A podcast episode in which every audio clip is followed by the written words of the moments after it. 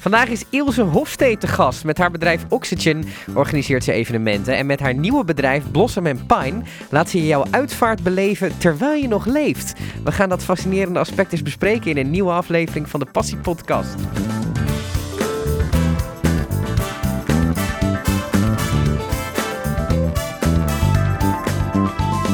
Ilse, tof dat je er bent. Uh, ja, ik denk dat iedereen die zo'n intro hoort al meteen denkt... oké, wat de hel is dit? Dus laten we dat, uh, dat gaan bespreken. Mm -hmm. Het is, ken je die aflevering van Friends? Dat, dat ze denken dat Chandler overleden is. En dan krijgt hij allemaal kaartjes en, en dan blijkt hij nog te leven. Uh, maar dat het wel een hele emotionele ervaring is. Dat is waar jouw bedrijf op gebaseerd is. Hoe zit dat precies? Uh, ja, ik, er zullen heel wat emoties uh, bij komen. Ja, ja, Ik ken de aflevering niet van Friends, moet ik eerlijk zeggen. -huh. Dus ik ga hem zeker even kijken. Heel goed. Ik ga hem doorsturen. Ja, ja, doe dat. Uh, ja, uh, Blossom en Pine, daar, uh, daar zullen heel wat emoties bij, bij loskomen, verwacht ik. Hoe kom je erop om zoiets te gaan organiseren? Want het, het is zoiets heftigs en zoiets emotioneels, je uitvaart. Mm -hmm. ja, dat, hoe kom je erop dat je denkt van, nou, dit, dit moeten we misschien maar gewoon gaan doen? Ja, nou, het is eigenlijk ontstaan vorig jaar in het coronajaar. ik heb al ruim twintig jaar een bedrijf in bedrijfsevenementen, zoals je net zei, Oxygen Events. En dat kwam natuurlijk volledig stil te liggen vorig jaar. Ja. En ik heb toen wel gedacht van, oké, misschien is dit nu het moment om eens naar een, uh, naar een nieuw bedrijf te kijken. Daar was ik al een paar jaar wel mee bezig van, ik wil iets erbij gaan doen, maar ik weet niet zo goed wat. En vorig jaar was het moment dat het alles stil viel van, nou, dit, is dit wel het moment om eens eventjes te kijken van, uh, waar ben ik goed in, wat wil ik, wat wil ik vooral niet. En uh, er kwamen toen een paar dingen uh, kwamen voorbij. Ik wilde met mensen bezig blijven, ik wilde blijven organiseren, ik wilde mijn creativiteit kwijt kunnen. Uh, maar ik wilde ook wel een stukje meer verbinding en een stukje meer rust, zeg maar, in het, uh, in het organiseren. En toen dacht ik van, goh, misschien moet ik dan eens toch weer naar die uitvaartbranche kijken. Uh -huh. uh, maar toen merkte ik ook van, ik wil ook iets nieuws. Ik wil iets vernieuwends doen en niet weer achter de hele meute aanlopen. En toen dacht ik van, goh, Misschien is het juist mooi om die fase daarvoor te pakken. Dus niet als je al dood bent, mm -hmm. maar Mhm. juist in die fase dat je nog leeft, in die laatste levensfase. En toen had ik het met mijn partner over en hij zei van, uh, ja, hier in Australië, hij woont in Australië, uh, organiseren ze regelmatig een wake. Uh -huh. een, een wake is daar dus dat je nog bij leven bent. En dat heeft hij zelf ook wel eens meegemaakt. Hij werd uitgenodigd door een, door een kennis van hem. Die wist inderdaad dat hij kwam te overlijden. En uh, uh, hij nodigde hem uit voor een, uh, nou ja, een barbecue, een grote borrel, een barbecue. En twee weken later was hij dood.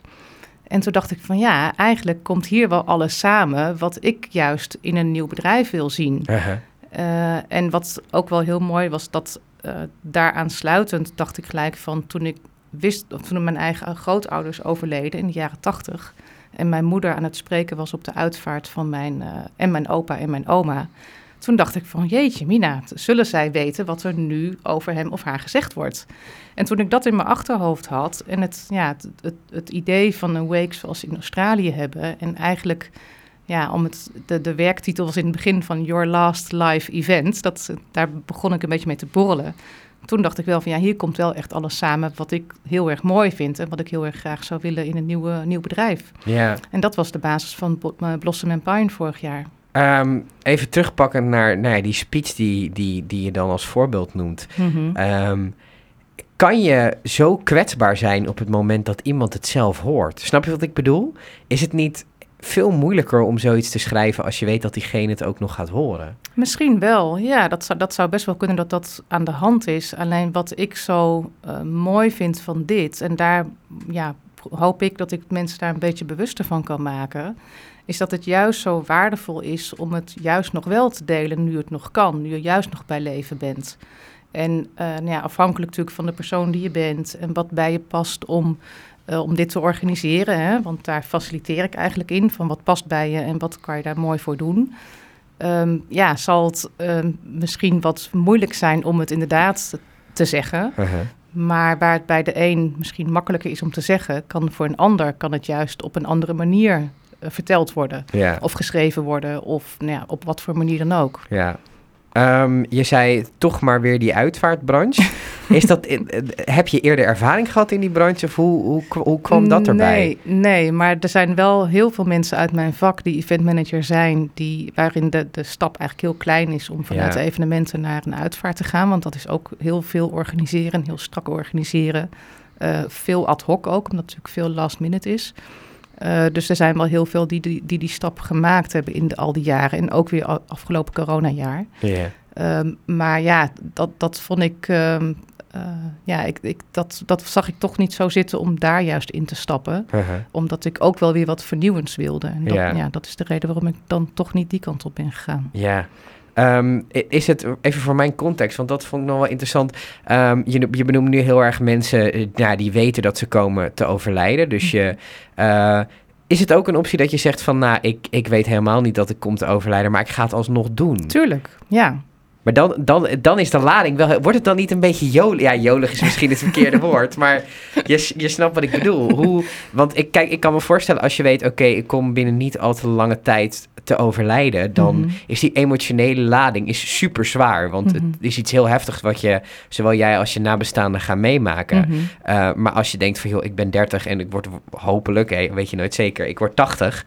Um, dat het ook een soort van jolige lading geeft. Of hoe kijk jij daarnaar? Uh, nou ja, je hoeft natuurlijk niet te wachten dat je in die laatste levensfase komt. Ja. Uh, ik ben wel heel bewust ook aangesloten bij een platform van jouw laatste levensfase.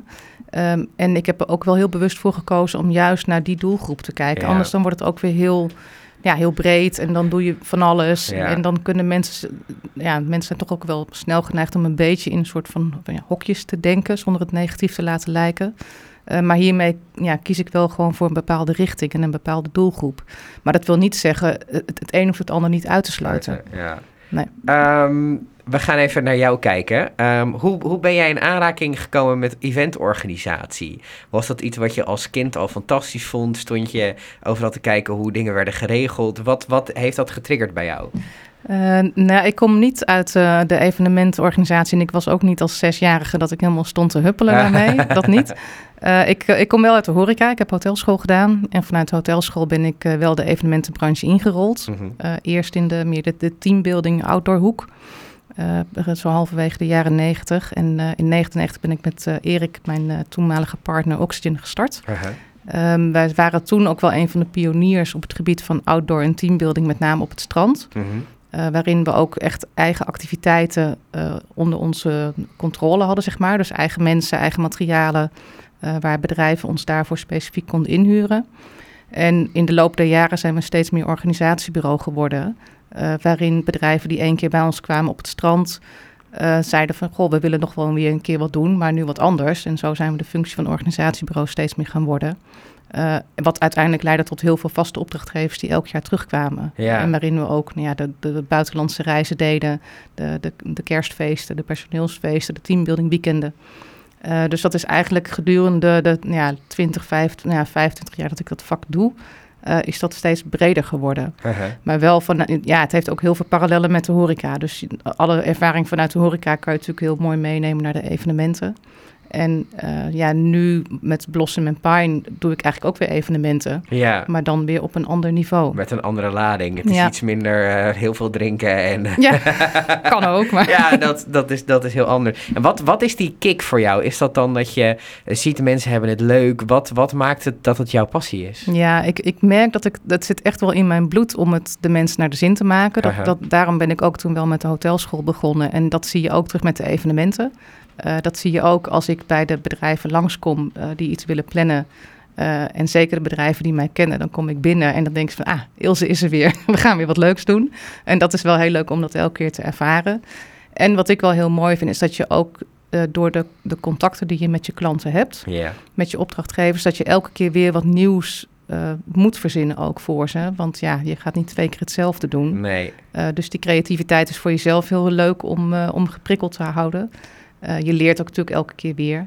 Maar met name ja, dat je toch de mensen allemaal naar de zin kan maken en dat je die creativiteit kwijt kan, dat zijn wel echt de grootste drijfveren. Ben je al gestart? Heb je je eerste uitvaart al gehad? Nee, nog niet. Nee, nee de website. Ik heb uh, eigenlijk vorig jaar heb ik het hele jaar gebruikt om ja, gewoon goed na te denken en ja, ook te voelen van wat past bij mij en wat past niet bij mij. Hoe wil ik het communiceren? Wat voor teksten passen erbij? Hoe moet het gaan heten? Wat is de bedrijfsnaam? Want ik wil het, niet, ik wil het natuurlijk niet vanuit Oxygen doen. dus daar ging best wel tijd overheen. En afgelopen mei, ja, dus een maand geleden, toen was het echt de site klaar. En ja, foto's en voorbeelden, inspiraties van, goh, wat kunnen mensen doen? Hè? Wat, om ze een beetje een idee te geven van wat er mogelijk is. Uh, dus ik had zoiets nou, als het site klaar is, ja, dan ga ik echt uh, naar buiten en dan, uh, dan kan ik het echt de wereld inbrengen. Op, op basis van, um, in hoeverre verschilt het van een uitvaart? Nou, dat is natuurlijk één heel belangrijk aspect wat verschilt. um, maar is het, is het een klassieke uitvaart? Hoe, hoe moet ik dat voor me nee, zien? Nee, sterker nog, ik zie het helemaal niet als een uitvaart. Ik -huh. zie het echt als een, als een viering uh, met je dierbaren. Mm -hmm. uh, en dat kan je in een, uh, een wat informelere setting doen. je kan het in een wat formelere setting doen. Maar ja, het, het is, ik gebruik juist het woord uitvaart helemaal niet. Ik zie het echt als een, ja, een viering, een samen zijn. Ik ben eigenlijk op zoek naar een, een nieuw woord wat het eigenlijk moet zijn. Want het is wel, omdat het ook zoiets nieuws is. En het gebeurt wel, maar heel veel mensen kennen gewoon het bestaande niet van. Yeah. Um, dus het woord uitvaart gebruik ik niet. Uh, ja, echt een viering van uh, ja, samen delen, de, samen de herinneringen ophalen, hè, die je ook samen al hebt gedaan. Uh, samen herinneringen maken en samen herinneringen creëren, waarmee de, de nabestaanden ja, hiermee voort kunnen. Ja. Um, heb je veel met uitvaartondernemers gesproken voordat ja. je je bedrijf ging starten? Ja, best wel veel. Wat ja. vroeg je ze? Ik heb vorig jaar met name heel erg gebruikt om. Ik was heel erg benieuwd hoe mensen ernaar keken. -huh. En wat ik heel erg heb gemerkt. Ik heb zakelijke opdrachtgevers mij gebeld. Natuurlijk vrienden, familie, privé, mensen die mij goed kennen. Um, iedereen was daar super enthousiast over. En toen is er een brainstorm georganiseerd door een, een directeur van een uitvaartstichting in Hilversum. En die vond het een super mooi idee. Ze zegt van nou, zullen we eens een keer een brainstorm doen met uitvaartondernemers die bij haar komen. En dat hebben we afgelopen zomer gedaan. En ja, daar was iedereen heel erg kritisch. Die had, uh, ja, een hoop mensen zeiden van, uh, of je pakt een deel van de markt af, hè, dat, ze, dat ze daar bang voor waren. Um, ze hebben initiatieven die, die, die, ze kennen zijn gesneuveld, dat het gewoon geen uh, lange termijn had. Dus toen ik daar vandaan kwam, dacht ik van ja, ik kan nu heel erg in een hoekje gaan zitten treuren en denken van dit, dit, gaat, dit gaat nooit ja. gebeuren. Maar dat tegenovergestelde gebeurde. Ik was eigenlijk alleen maar enthousiaster geraakt en ook meer getriggerd van oké, okay, nou het hoeft ook niet altijd mee te zitten met, met de mensen die er enthousiast over zijn. Uh -huh. Maar het heeft mij wel gemotiveerd om ermee door te gaan. En ik ben juist heel erg van samenwerken, want ik ben geen uh, uitvaartondernemer, want dat is weer een hele andere specialiteit. Um, sterker nog, ik denk als mensen bij mij zouden komen voor die viering in die laatste levensfase, waarin ze natuurlijk nog wel fysiek in staat zijn om het te kunnen doen. Um, en die uitvaart komt er. Uh, dat ik dan juist met uitvaartondernemers werk die dat gedeelte kunnen doen. Kunnen oppakken. En dat is zoals ik mijn werk nu ook doe, waarin je ook heel veel met partners werkt. Ja. Um, merk je dat mensen, um, als je in, het, in de laatste fase van je leven zit en dit is een aspect waarmee je bezig moet zijn en dat je misschien denkt, nou ja, ik wil die uitvaart gewoon gaan doen op het moment dat ik er nog, nog zelf ben. Mm -hmm. uh, jij moet dan in gesprek gaan met die mensen. Dat lijkt me wel heel emotioneel en ook misschien best wel zwaar. Ja, ik, ik ben ook heel benieuwd hoe dat gaat lopen. Ja. Uh, ik heb daar natuurlijk heel veel over nagedacht en op het moment dat het zover komt, dan kan ik ook pas, pas inschatten hoe dat, hoe dat gaat. Um, ik weet wel van mezelf dat ik wel die twee kanten heb. Ik heb de, gevoelige kant, hè, die emotionele kant. Uh, ja, en dat is ook belangrijk, omdat je daarin ja, een groot empathisch vermogen moet hebben en je goed in kan leven en ook moet luisteren naar, naar de mensen die voor, tegenover je zitten. Uh, dat luisteren, dat moet ik nu ook naar mijn, naar mijn opdrachtgevers. Dus ja, daarin verandert niet heel veel. Uh, moet ik me ook in kunnen leven van, goh, wat, wat past bij hun en wat, wat voelt bij hun. Alleen je zit hier natuurlijk wel op wat meer emoties wat erbij komen kijken. Dus dat, ja, daar ben ik zelf niet bang voor dat ik dat niet kan. Uh, ik weet ook aan de andere kant dat ik wel zakelijk genoeg ben om het ook wel weer te kunnen scheiden. Maar ja, ja. Dat, dat zal heus wel een keer in elkaar overlopen. Lopen, ja. Dat je denkt, oh jee. Oh jee, nu loop ik toch wel even met tranen buiten. Ja. ja. Um, zou je het zelf doen? Uh, ja, nou dat... ja, dat, dat kan bijna niet dat anders. kan bijna niet ook. anders, hè. Ja, ja ik... Heb, uh, je, heb je sinds je dit gestart bent... uh, nagedacht over, goh, hoe zou ik het zelf doen? Ja, zeker. Ja. En, en, waar kwam je op? Nou, dan ben ik toch wel eentje van uh, vier het leven. Uh ja. Dus er moet eigenlijk gewoon een groot feest worden. Ja, er moet gewoon een groot feest komen. Ja. ja, en dat zal natuurlijk best wel een bepaalde lading hebben. Dat, daar ontkom je niet aan. Want dat is gewoon, ja, het is een serieus onderwerp. En het is ook natuurlijk best wel een groot taboe. Veel mensen willen niet praten over de dood. Uh, maar als ik dan kijk van, goh, wat past bij me? Of misschien juist wel meerdere dingen. Dat kan natuurlijk ook. Hè? Want aan de ene kant heb ik ook een, een hele gevoelige, emotionele, spirituele um, deel is van mij. Maar ik, ja, een, een, groot feest en gewoon lekker dansen past ook bij mij. Dus je kan ook denken van, goh, je doet een deel wat juist wat rustiger is. Of, en een deel wat juist wat uitbundiger is. Ja, die misschien die lading er ook wel weer een klein een beetje, afhaalt. Ja. Een klein beetje van afhaalt. En een beetje luchtiger maakt. Ja, dus het is eigenlijk zeg je, het is een combinatie van misschien over. Als ik hem dan even plat sla, mhm, mhm. dat je overdag misschien een wat traditionelere vorm uitvaart hebt. Mm -hmm. uh, maar s'avonds moet er ook plek zijn om, om te feesten en het leven te vieren. Ja. Ja. Ja.